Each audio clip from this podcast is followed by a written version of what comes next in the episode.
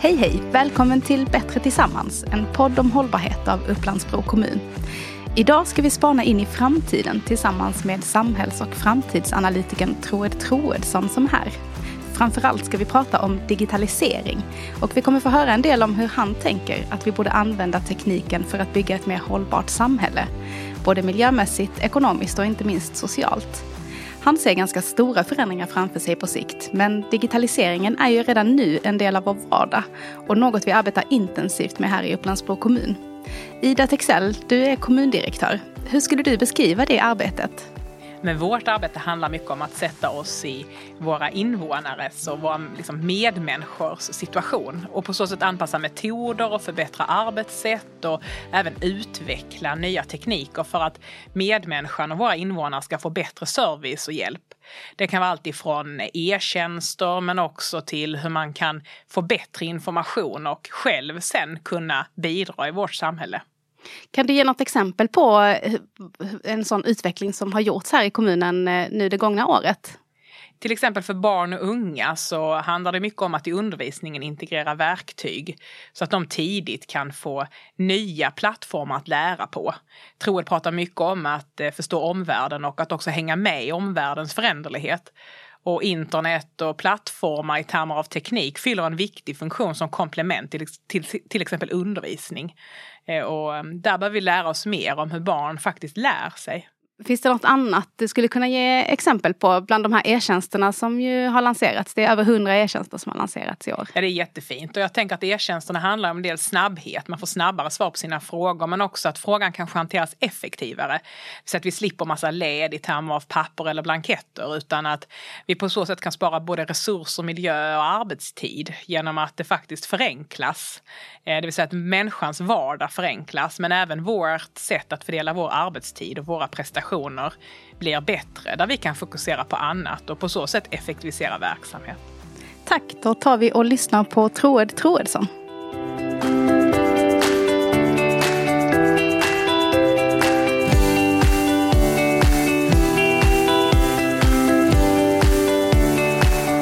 Troed Troedsson, varmt välkommen hit. Tack så mycket.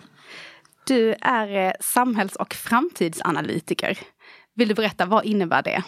Det låter ju väldigt pretentiöst men, men jag försöker förstå hur samhället fungerar. Det är lite grann som att vara meteorolog på något sätt. Alltså om, man, om man fattar lite om hur saker hänger ihop så kan man också göra gissningar i alla fall om vart det är på väg. Ja, ja men det ja. låter toppen för det är precis det jag tänker att vi ska uppehålla oss vid mm. idag. Eh, och eh, en sak som du ju pratar mycket om i det här är ju digitalisering. Ja. Eh, något som eh, är på alla släppar nu ja. och kanske ännu mer i och med coronapandemin. Ja. Eh, så att digitalisering och då vet jag att du liksom ser också det kopplat, ja, åtminstone möjligt kopplat till hållbarhetsfrågan. Ja. Så att vi kanske ska börja där du själv började, nämligen vart är vi på väg när det gäller digitaliseringen av våra liv? Det, digitalisering är ju en, en, det blir väldigt lätt att man låter som en floskelmaskin men digitalisering är för världen just nu vad, vad elektrifiering och ångmaskin var på, i mitten på 1800-talet eller första halvan av 1800-talet. Så när man säger att digitalisering är på alla människors läppar och särskilt nu i pandemin så är det utifrån någon sorts nu fick vi en chockartad känsla av vad man skulle kunna göra men världen hade digitaliserats expressfort utan pandemin också. Den har liksom inte det är en krusning på den stora vågen men det blev väldigt, oj, alla gick hem plötsligt. Ehm, men vi hade gått hem ändå fast det hade tagit lite längre tid. Vad, vad tänker du då, det här att många jobbar hemifrån nu, är det det du syftar på när du säger att alla gick hem? Ja det finns, då sa jag gå hem vilket är lite, lite förhastat därför att vi är vana vid att det finns bara två platser egentligen, hemma och arbetsplatsen. Det är de två ställen man är på.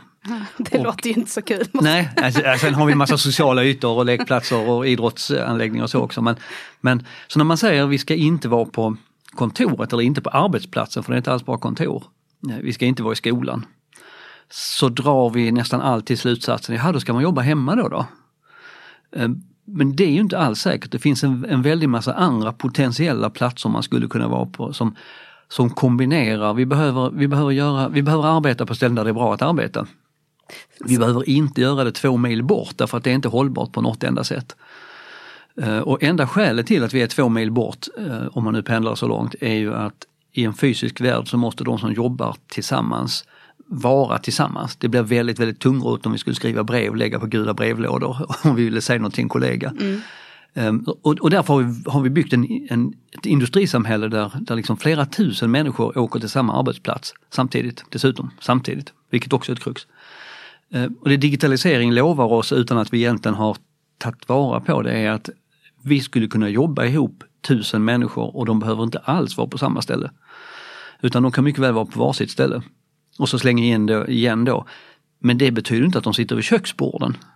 Utan det betyder kanske att de sitter på något som verkligen är en arbetsplats, men det är en arbetsplats i kvarteret. Där, där vi sitter några stycken och vi jobbar inte på samma ställe, vi jobbar inte ihop. Men det är ett bättre ställe att vara på än köksbordet. Varför, ska... det varför tänker du det, att man behöver ett bättre ställe än köksbordet? Av, nu, av, lite så här på sin ja. spets eftersom det är den verklighet många befinner sig i nu. Precis, av, av flera skäl tror jag. Några är väldigt, väldigt enkelt ergonomi och, och tekniska förutsättningar. Vi kommer behöva mer tekniska grejer och de flesta tycker att jobbar man med skärm så behöver man flera skärmar och det tar plats och det är krångligt. Så. Men det andra är ju att man har en familj i många fall. Om en i familjen jobbar hemma så är det ganska okej. Okay. Det är alltså om, om, min man går till jobbet och uh, ungarna går till skolan så kan jag väl jobba hemma och så fäller jag upp strykbrädan och så får jag en stor arbetsplats och så. Men om det här blir systemiskt, som säger att vi har tre barn och de ska plugga hemifrån och både jag och min fru eller jag och min man ska jobba hemifrån, då då är det svårt det att se. Det låter inte så hållbart helt enkelt. Nej, det är inte så hållbart och det är liksom inte, det är inte ythållbart att man då skulle avdela fem rum i lägenheten så att varje barn får en lugn plats att studera på och, och varje förälder får en lugn plats att jobba på. Därför tror jag att när vi kommer nog, vi kommer nog flytta ut ur bostaden. Um, men vi kommer som sagt inte att åka till det här stora huvudkontoret långt borta som gör att vi ska pendla eh, 40 minuter med buss eller med bil eller vad vi nu... Och det är ju en... Det där är ju också tycker jag spännande därför att eh, hållbar vi har haft ett väldigt fokus på att hållbara arbetsresor är att åka till jobbet på ett bättre sätt, kollektivt till exempel. Eh, och så är vi några stycken som har sagt envist, men det enda hållbara är att vi inte reser överhuvudtaget. Det är inte mer hållbart att åka buss än att åka bil, det är ohållbart bägge två. Eh, kruxet är att vi överhuvudtaget ska flytta oss så förbaskat långt varje dag. Det måste vi sluta med. Men vi håller ändå på och bygger, bygger för att främja just den typen av åkande? Ja, det är sorgligt. okay. Eh, det är verkligen sorgligt för det, det, finns så mycket som är fel i det, tycker jag, i det, i det tänket. Hela men hur menar du att eh, om, om vi ändå uppehåller oss lite mer liksom vid jobb. Det är ju mycket med en arbetsplats eller en skolmiljö. Men om vi pratar en arbetsplats till exempel då. Eh, som också, och just också för arbetsplatser där möjligheten finns att eh, jobba på olika ställen. Det kan ju variera beroende på vad man jobbar med. Men eh, om man, även om man jobbar på ett kontor. Eh, om man skulle kunna sitta vid en dator i princip vad som helst. Då, mm. Finns det inte en eh, en, eh, liksom ett behov och en poäng med att ses ändå som människor? Eller hur tänker du att det ska funka? Jo, det gör det. Och, och skolan, blir, skolan blir ett bra exempel därför att det, det är så uppenbart att en 15-åring behöver lära sig matte och en 15-åring behöver träffa andra 15-åringar. Typ. Behöver också lära, träffa 11-åringar och 17-åringar, men strunta i det, häng inte upp er på det. Um, och det vi har gjort är att vi har buntat ihop de där två. Uh, men när man petar på det så inser man att ja, en 15-åring måste lära sig matte och en 15-åring måste träffa andra 15-åringar, men de där hör ju inte ihop. Okay. På samma sätt är det med vuxna, jag måste träffa andra vuxna människor. Men att det skulle vara just de vuxna som är anställda av samma arbetsgivare är ju bara en ganska konstig eh, buntning. Jag skulle kunna träffa 25 vuxna en dag och få mitt sociala lystmäte tillgodosett trots att ingen av dem jobbar på samma företag som jag. Så delar man de där två så kan man tillgodose bägge behoven men de behöver inte tillgodoses samtidigt. Jag tror du det är dit att vi är på väg på riktigt? Ja det tror jag. Mm. I det ligger också att vi, allt fler kommer att ha flera uppdragsgivare och då blir det, om man säger arbetsgivare så, så blir det lite krångligt men vi lever fortfarande i en värld där, där en arbetsgivare har många anställda. Men en anställd har normalt sett bara en arbetsgivare. Mm. Eh, och det digitalisering gör är också att bryta sönder den sortens hierarkier. Eh, man kan säga att Men för att två exempel, eh, alldeles nyss så hade en dagstidning flera läsare. Men varje läsare hade bara en dagstidning, normalt sett, fram tills nyss. Och så får vi digitalt distribuerade nyheter istället. Och det händer ju två saker. Det ena är att en dagstidningsläsare mycket väl kan ha hur många dagstidningar som helst. Så att när jag är intresserad av hur, vad, vad har hänt i val, valräkningen i USA i natt så skannar jag ju fort 6, 7, 8 tidningar. Just det. Eh, och då har vi fått ett omvänt, fortfarande så har en tidning många läsare men det spännande är att varje läsare har fått många tidningar. Eh, när eleven går hem från skolan och inte fattade mattelektionen så sätter de sig nu så kollar de Youtube för de har några favoritmattelärare där som, som förklarar samma sak fast från ett annat håll och då brukar jag fatta, säger min 15-åring. Och då har vi plötsligt alltså en elev som har många mattelärare. Vilket är en, en mycket mer revolutionärt än vad vi tänker. Alltså, vi, när man säger att en elev har många lärare, ja, ja de har en mattelärare och så har de en idrottslärare och så har de en kemilärare. Mm. Ja, fast det är inte det jag menar. Jag menar att en elev kommer i en enda liten frågeställning att ha fem, sex olika människor som förklarar. Men blir det upp till eleven att, eh, jag menar du nämner Youtube, det, då blir det ju upp till eleven själv att ja. Skaffa de lärarna? Är det, det det, det du menar? Och det är, än så länge är det ju Alltså det är synd. Det, det, klyftorna i det avseendet växer därför att om jag hade fått bestämma, vilket jag inte får, så hade ju skolan för länge sedan funderat på hur ska vi se till att eleverna kan dra så stor nytta av detta som möjligt. En del lärare gör det, eh, men skolan som system gör ju inte det utan det som nu händer är att de elever som är duktiga på att snoka rätt på bättre mattelektioner och bättre kemiförklaringar och bättre illustrationer och fysiska förlopp, de gör det. Medan de andra går hem och försöker tolka sina anteckningar från vad den obegripliga fysikläraren sa i klassrummet alldeles nyss. Och det är orättvist och onödigt. Men dit jag ville komma också med det här var att vi kommer också få se allt fler människor som har flera arbetsgivare. Och så kan man välja om man vill kalla det uppdragsgivare eller chefer eller och det kan till och med vara i en kommun att man inte längre jobbar i antingen den ena förvaltningen eller i den andra förvaltningen utan man faktiskt ställer sin expertis till förfogande och jag jobbar både åt socialchefen och åt barn och utbildningschefen mm. och åt tekniska chefen. Mm, mm. Mm. Och så får vi upp och nervända pyramider istället för, för um, den klassiska hierarkiska bilden. Inga stuprör helt enkelt? Nej, inga stuprör för det bryter ju också sönder stuprören. Mm. Men vad, eh, hur, hur ska vi, om det nu är det som är målet, eh, hur ska vi ta oss dit och Eh, varför ska vi göra det? Alltså varför är det bättre så som du beskriver? Det är bättre av, av det är bättre av väldigt många skäl. Um, dels är det bättre på, rent mänskligt är det bättre därför att det här, det blir, blir fort sådana här engelska floskler man talar om empowerment men, men en elev som får lära sig och sen själv väljer bästa förklaring får väldigt mycket ut av sitt kemistuderande än om man är utlämnad till att jag hoppas min lärare fattar hur jag fattar. För om, om läraren inte fattar det så är det 40 minuter rätt över huvudet på mig. Så att man får ju väldigt mycket mer makt över sitt liv helt enkelt. Mm. Det är det ena. Mm. Och det andra är att det är mycket, mycket mer de hänger ihop, det är mer hållbart. Man, vi får mer gjort med mycket mindre resursförbrukning och det låter som att det låter som att man talar om någon sorts effektivitet men om man tänker sig en kommun till exempel. Om alla i kommunen hade mycket större möjlighet att göra det som de verkligen är bra på. För när man bryter sönder de här klustren om man är anställd så är det nästan alltid så att, att man är väldigt bra på 10-15% av det man gör. Och det är roligt att göra om man är duktig på det. Så. Men i jobbet ligger också att du ska göra 50% som du inte är jättebra på.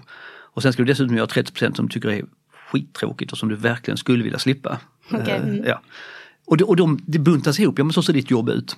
Ja, du ska ta hand om medborgare men du måste också göra budget. Öh, hatar budget! Ja men du måste göra det, det ingår i jobbet. Mm. Kan man bryta sönder de här pusselbitarna så att man kan utnyttja folk där de verkligen är sitt bästa jag. Då kan den här personen som är riktigt bra på att ta folk, ta folk hela sin tid. Och då kommer någon tänka, men det blir jättetråkigt. Ja fast alltså, bara så länge som det är optimalt såklart. Och så kan den som är riktigt bra på att göra budget få göra budget, hålla på med bara det. Eh, och då får alla ett bättre jobb plus att skattebetalarna får mycket mer välfärd för sina pengar på något sätt. För vi, det försvinner inte i friktion och tomgång och eh, hur, hur ska det här organiseras? Så att man, eh, det låter som en utmaning, mm. tänker jag, när man hör eh, att någonting ska förändras sådär radikalt. När tror du vi är där? Jag tror att vi i, i vissa stycken så, om man vill se hur strukturen kan funka så kan man säga att i vissa stycken finns det redan. Um, om man tittar på hur Wikipedia fungerar till exempel.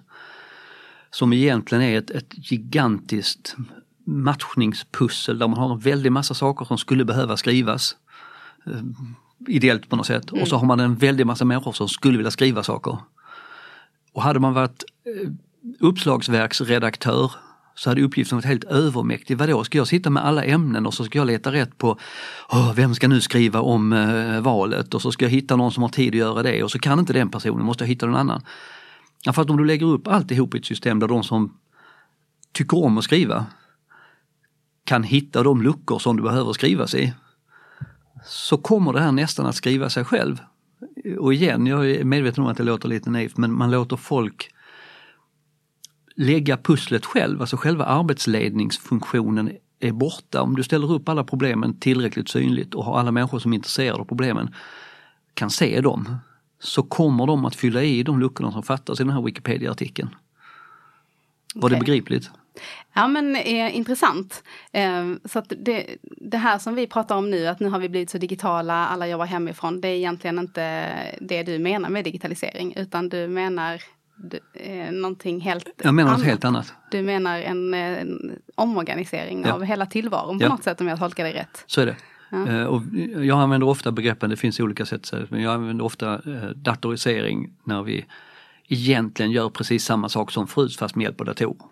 Alltså om vi har ett Teamsmöte istället för att samlas i sammanträdesrummet så skulle jag säga att det har inte hänt så jättemycket. Vi har blivit av med pendlingen, vilket är en poäng i sig själv. Men annars är det ju samma sak och vi sitter där i två timmar och så pratar vi med varandra och så fattar vi beslut och så stänger vi av kamerorna. Mm. Ja. För den som tittade utifrån och gjorde en processkarta skulle det inte överhuvudtaget skilja sig från vilket sammanträde som helst.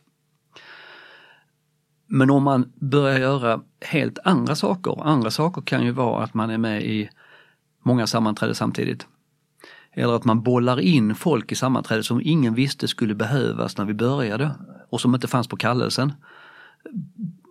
Eller att man löser problem. OECD säger att den viktigaste förmågan som arbetskraften behöver i framtiden är förmågan att lösa komplexa problem i alldeles nya situationer med hjälp av digital teknik. Så vi sitter där på mötet. Och var ska man lära sig det någonstans? Ja, det, jo, men det, kan man, det kan man lära sig. Jag tror folk jag tror väldigt många människor lär sig det. Vi har, OECD har mätt det också, Sverige har liksom väldigt, väldigt bra värden, vi är bland de bästa i världen på just, just det här. Det är det,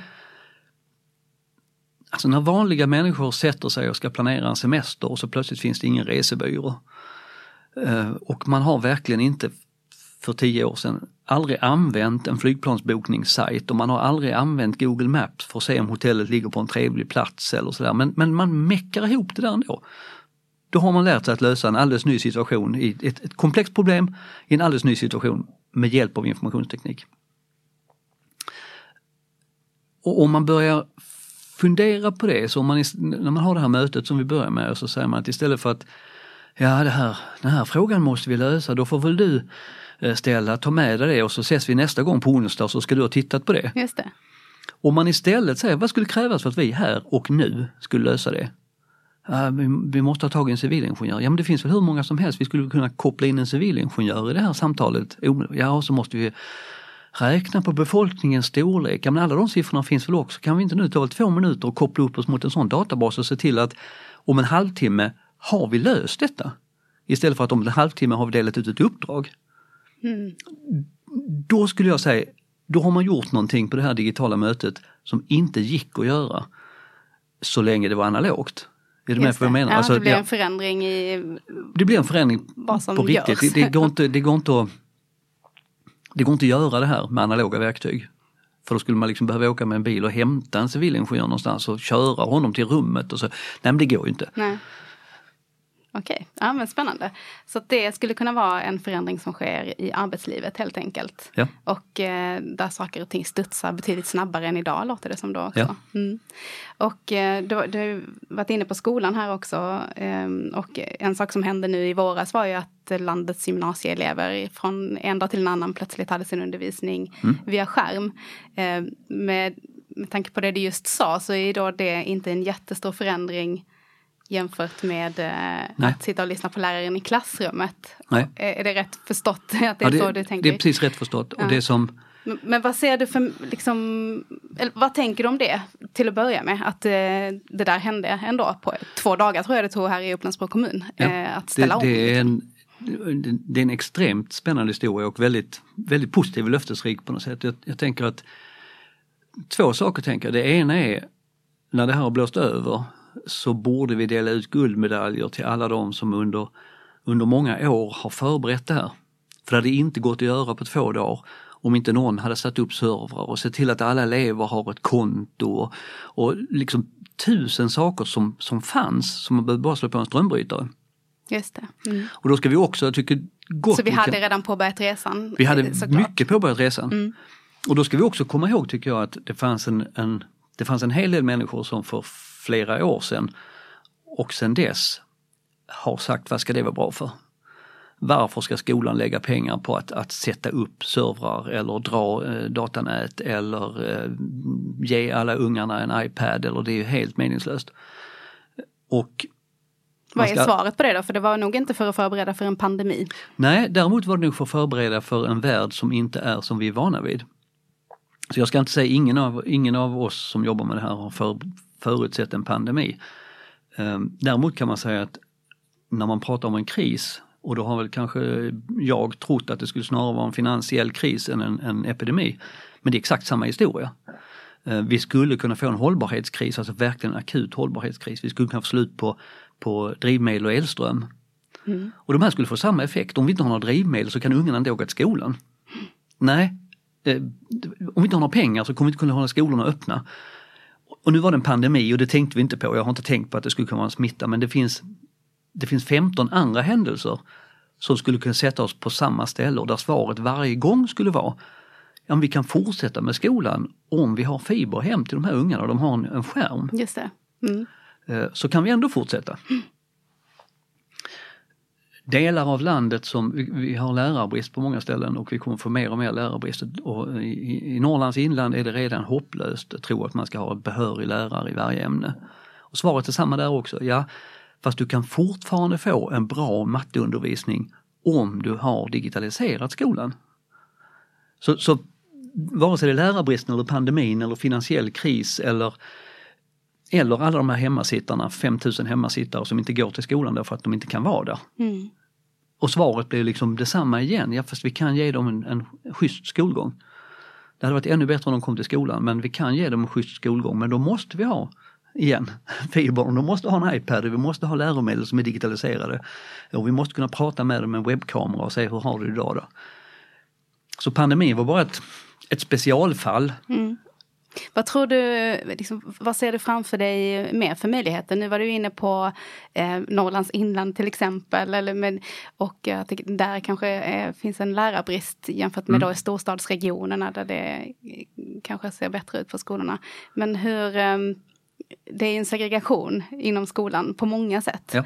Eh, är, är det liksom ett sätt att komma åt det och hur, hur tänker du då i sådana fall? Ja det är det.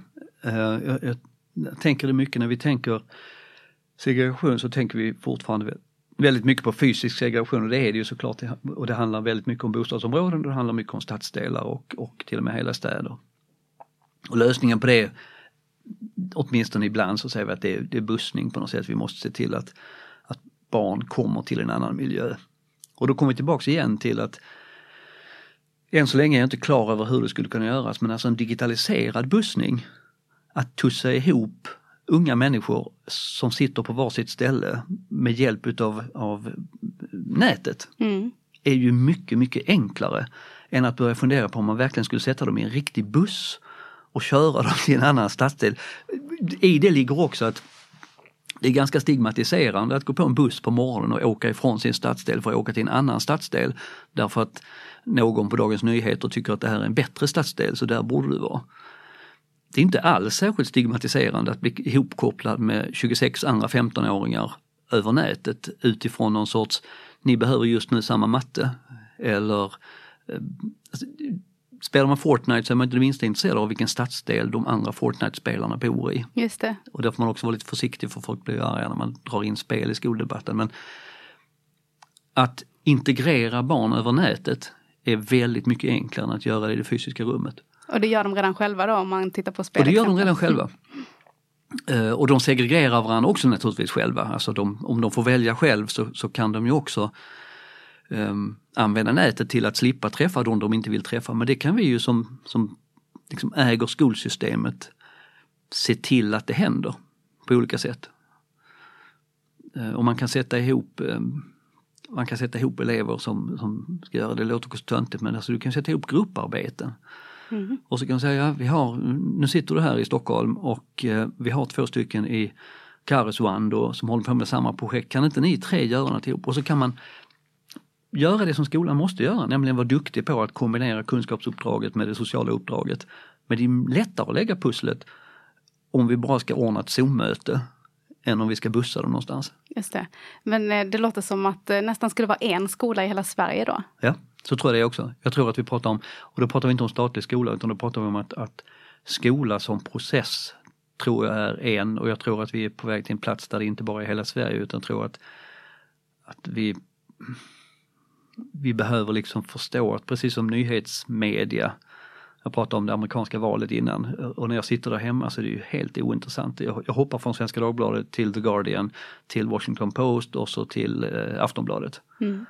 Eh, och om någon skulle säga, men vänta nu här, eh, bytte du från svenska media till amerikanska media där? Skulle säga, men det är en jättekonstig distinktion. Eh, varför, varför drar du, vad är det för streck att dra? Mm.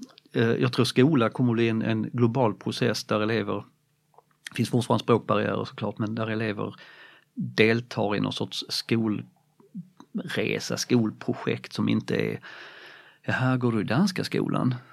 Mm. Nej, utan just nu så är det ett stort gäng som håller på att sätta sig in i valenselektroner. Eh, och om de sitter i Stockholm, Eslöv och Köpenhamn eh, är inte jättespännande. Det är inte det som avgör helt enkelt? Nej, det är inte det som avgör. Nej. Men, hur, men jag tänker ändå i, i förhållande till hur vi fungerar som människor, kommer inte de vilja träffas ändå? Då? Jo, det tror jag, men jag tror att det, det, jag tror det, är, helt, det är en helt annat gäng. Och det är ju, det är ju, det är ju redan så, de som spelar innebandy ihop, 12-åringar. Mm. Eh, visserligen bor de på samma ställe så ibland så är det samma människor som går i skolan ihop men det är inte för att det är bättre att spela innebandy med dem i min klass.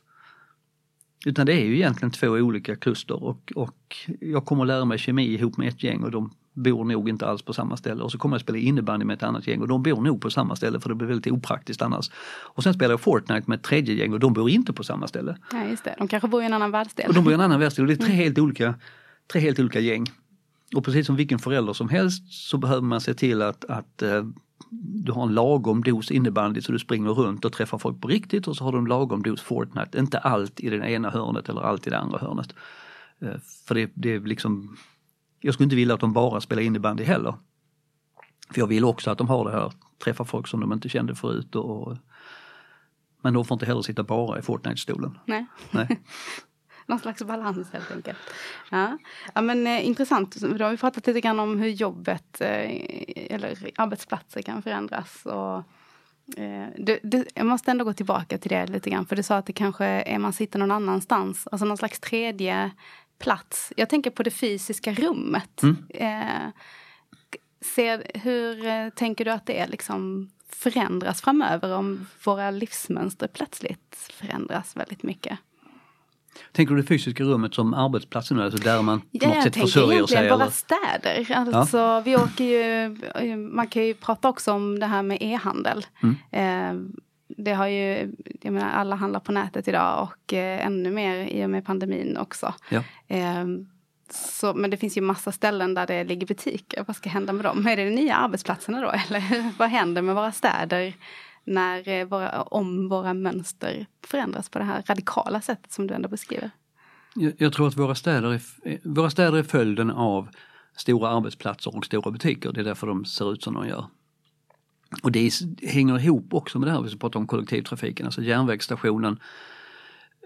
På landsbygden så var det järnvägsstationen som avgjorde var staden hamnade överhuvudtaget. Just det. Eh, och sen är det järnvägsstationen som talar om vad som är den attraktiva mitten och ju längre bort från järnvägsstationen man kommer ju lägre blir fastighetspriserna. Så det är som en, en, en stor boll på något sätt. Och runt järnvägsstationen så växer det också upp stora arbetsplatser och stora butiker. Och att de gör det beror på att de behöver väldigt mycket folk. Ska man sätta upp ett, ett stort Åhléns så måste man ha ett befolkningsunderlag på 70, 80, 90 tusen människor runt omkring för han ska inte driva den här butiken. Och så blir det självaccelererande och så får vi stora stadskärnor.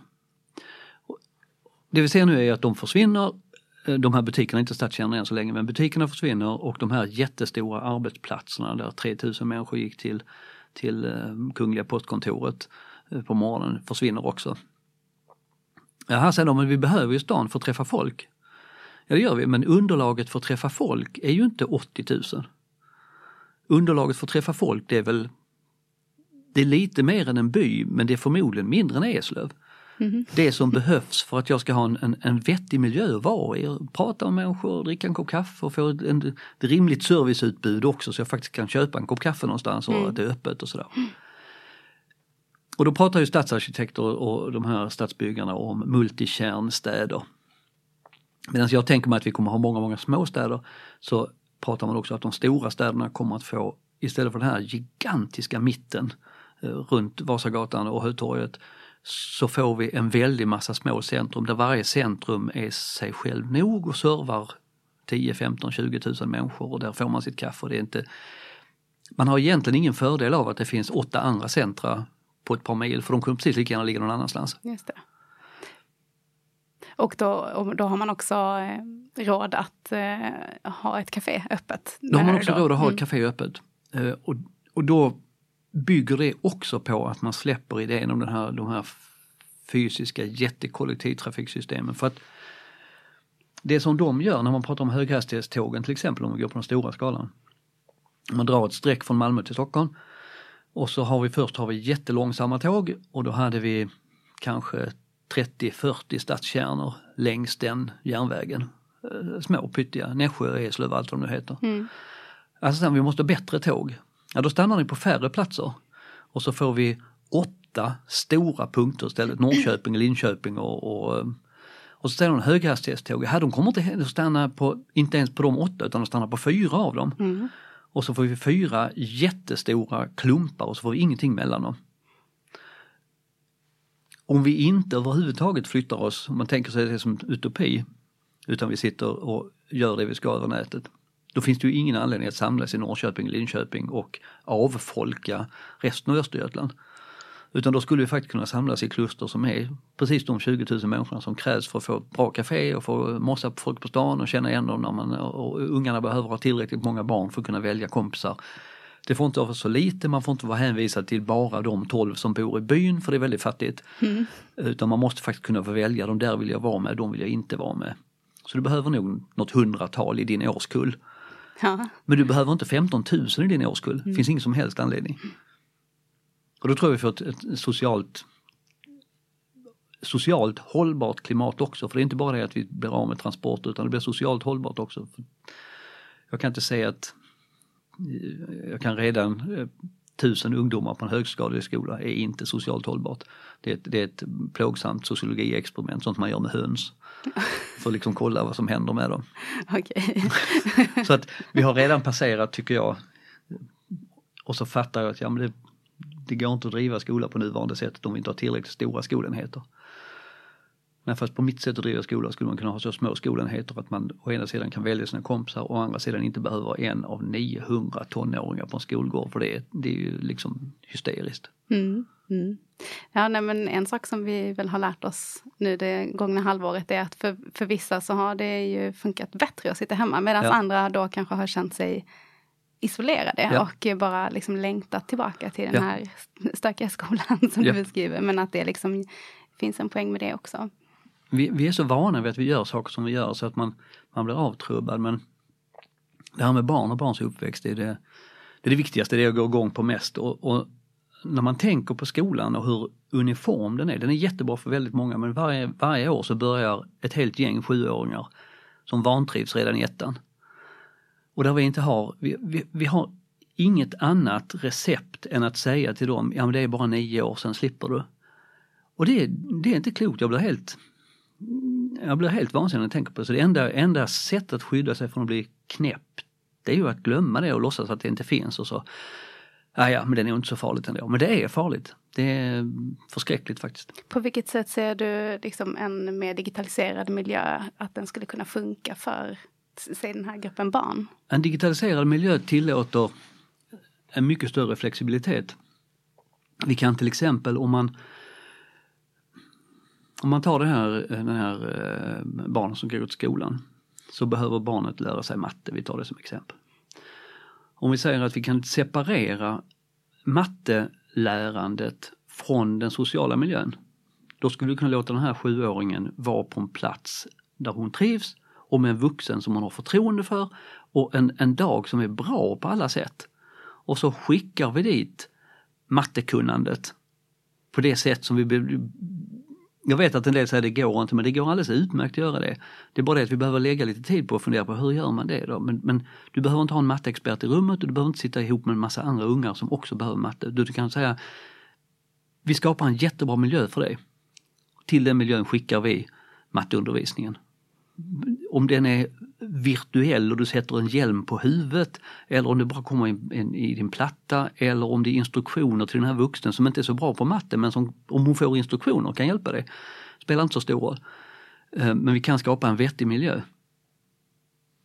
Så då man skulle kunna se framför sig att vi bygger upp helt andra sociala platser dit ja, det skulle kunna göra. kunnandet kan ja. komma.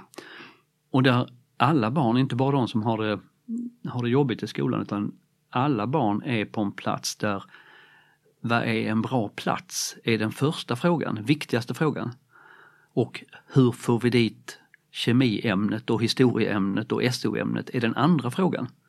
Medan en skola är precis tvärsom, en skola är ju, här har vi matte. Ja, hur gör vi det socialt drägligt då? Mm.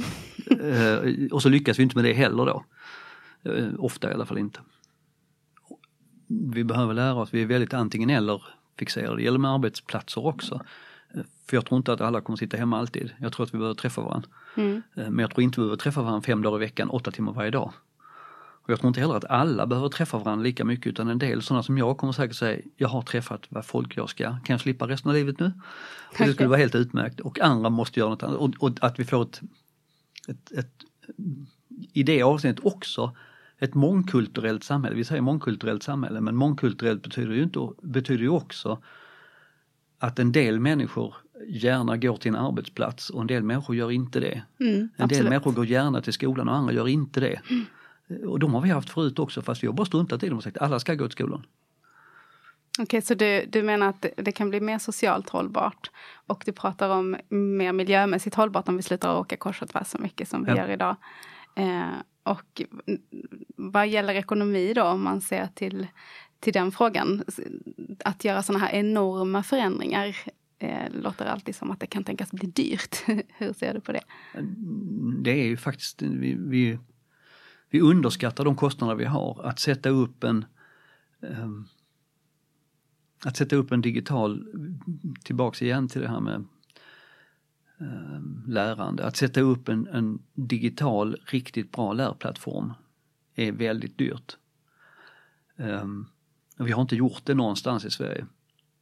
Ändå kan man konstatera att om vi bara tog de pengar som det kostar att bygga en enda skola, som lätt kan kosta 700 miljoner kronor, för en skola. Alltså om, om det är den sortens pengar vi pratar om, då skulle man kunna säga vi, vi stryker två grundskolor i Sverige. Då har vi 1,4 miljarder eller någonting. Kanske inte riktigt men en miljard i alla fall. Det låter som fina skolor. man kan göra vad som helst med det ju. Det är hur mycket pengar som helst. Mm. Um, men det, då, det är en skatteväxling, det är en, det är en, en, på riktigt en grön växling skulle jag säga att det är. Ja, men så här, en sak jag undrar är eh, var var ska vi få den här liksom, kunskapen? För det låter ju som att eh, många av oss kommer behöva höja kunskapen vad gäller digitalisering och Ja. hur vi organiserar oss själva. Ja. Och våra familjer och våra liv helt enkelt. Var får vi den ifrån? Och det- är lite samma sak där att vi, vi har en sån... Det som vi är vana vid får ta hur mycket tid som helst. Vi tycker inte det... Egentligen så borde vi tycka att det är väldigt konstigt att det tar 12 år heltidsstudier för en ung människa att bli inte ens yrkesklar utan bara liksom, ja bra, nu kan du börja utbilda dig på riktigt. 12 år! Ja, och så, så, Underkänner du Va? hela mänskligheten? Ja men, men, ja, men jag underkänner hela mänskligheten, kan man lika bra göra. Ehm, och så säger man, ja, och, nu behöver, och, då säger OECD då igen, inte jag utan OECD säger vi behöver ehm, future skills, vi vet ungefär vad det är. Och så, då så träffar jag en massa folk som på något sätt, när man pratar med dem så låter det som att ni tror att ni ska skaffa det på 14 dagar nu eller? Fast jag kunde inte dag tre och fyra, jag var tvungen att hoppa över så jag har gått en kurs och så så det tar 12 år att bli liksom en, en rimlig svensk medborgare. Eh, Men det får inte ta 14 dagar att, att få den kompetens som krävs för att leva i ett digitalt landskap. För det menar du skulle räcka alltså? Nej, det menar jag inte. Jag menar mer att, att om det tar 12 absurda år att bli en analog medborgare så kunde det åtminstone få ta ett att bli en kompetent digital medborgare eller ett halvt eller något. Ja, ja Ehm, absolut. Men inte en kurs på fredag. Nej. Inte, inte liksom, är du med på vad jag menar? Det, är det, ja. Vi- lite högre prioritering än en kvällskurs. en Lite i högre prioritering än en kurs på fredag, ja. Absolut. Ehm, Och vad, när du, liksom hur, eh, hur brukar det här tas emot när du är ute? Du är ju ute och föreläser mycket på arbetsplatser i- av olika slag. Ja. Vad, vad säger folk? Vad möter du för någonting? Alltså man, kan, man kan säga att det, det finns det första man kan säga är att jag möter inte något tvärsnitt. Jag, jag kommer ju bara till eh, organisationer i, i, i Sverige och utanför Sverige som har bett mig komma. Mm. Ja, det, Vilket ju är en, en väldig bias från början. Eh, Så jag kommer ju där, där ledningen för den här holländska banken eller vad det nu är säger det som du pratar om det är det som vi behöver göra. Eh, Hade jag kommit till en random bank så hade jag nog mötts av, av mycket mer, ah, vad fan, och, och så. Mm. Men sen kommer man även i, även i de organisationerna så kommer man till en punkt där människor tvingas ompröva sin professionalism. Det är det största bekymret egentligen.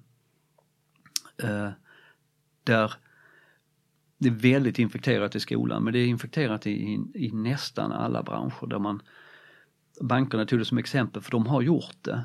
Eh, där det kommer behövas banker i all tid, jag kan inte tänka mig något annat. Däremot yrket att jobba på bank liknar överhuvudtaget inte det som det var för 20 år sedan. Nej. Och jag, jag fattar det, jag fattar också att det kan göra ont om man är bankkamrer på ett litet bankkontor och tycker att den här personliga relationen med alla kunderna och förmågan att titta dem i ögonen och bedöma deras kreditvärdighet eh, har varit liksom essensen i bankyrket. Och att det är bittert att det, för, att det försvinner. Och ändå så menar jag att vi borde vara vuxna nog att, att se att ja men det kommer att försvinna. Det, det, det står inte i vår makt att behålla analoga banker. Ehm, Men det är ofta när man då pratar, nämnde du liksom att det för, saker och ting försvinner från arbetsmarknaden då. Ersätts det av någonting nytt eller är Mm. Ja. det så att, för det är ju en sån rädsla som ofta ploppar upp liksom, men herregud, alla, folk måste ju gå till jobbet, Mm. folk måste ju försörja sig. Men det ersätts av något nytt och det ersätts ju, vi människor är kloka som, inte som individer för vi är ofta ganska korkade men, men som grupp är vi kloka. Så vi kommer ersätta det med, med andra saker som är mycket bättre. Um, vi kommer så småningom att betrakta det som ett viktigt jobb att träna barn i innebandy. Um, och vi kommer att säga att det var en herrans tur att vi fick så mycket vuxna människor över som kan liksom verkligen ta hand om ungar på kvällarna. När de vuxna slapp sitta på banken och sköta checkhäftet för det var ju ett själsdödande jobb. Och det här har vi gjort massor av gånger. Nu är vi sedan länge tack och lov på en plats där att, att jobba i förskola är ett riktigt jobb. Och ett viktigt jobb. Och ingen säger ja, tänk vad synd att alla jordbruks, alla som drog en plog i jordbruket, att de blev arbetslösa. Nu måste de jobba på dagis. Nej men så säger vi väl inte utan tvärtom, det är väl herrans tur att vi fick en hel bransch som heter förskola som vi hade råd att befolka därför att vi inte behöver vara jordbruket. Mm. Och nästa gång kommer vi säga det är en herrans tur att vi har en hel massa människor som har råd att liksom hålla på med ungars innebandy. Därför att de behöver inte vara på kontoret. Eller vad de nu inte behöver vara. Mm. Så vi blir, vi blir inte över, vi gör bättre saker. Okej, okay. en positiv växling ser du framför dig helt Ja. enkelt. Mm. Eh, det, ska vi, det var rätt så positiva slutord. ska, vi, ska, vi, ska vi säga så? Ja, Ja. så vi inte sänker stämningen. Nej, Ja, men stort tack för att du kom hit och pratade framtid och digitalisering. tack så jättemycket, vad roligt att vara här.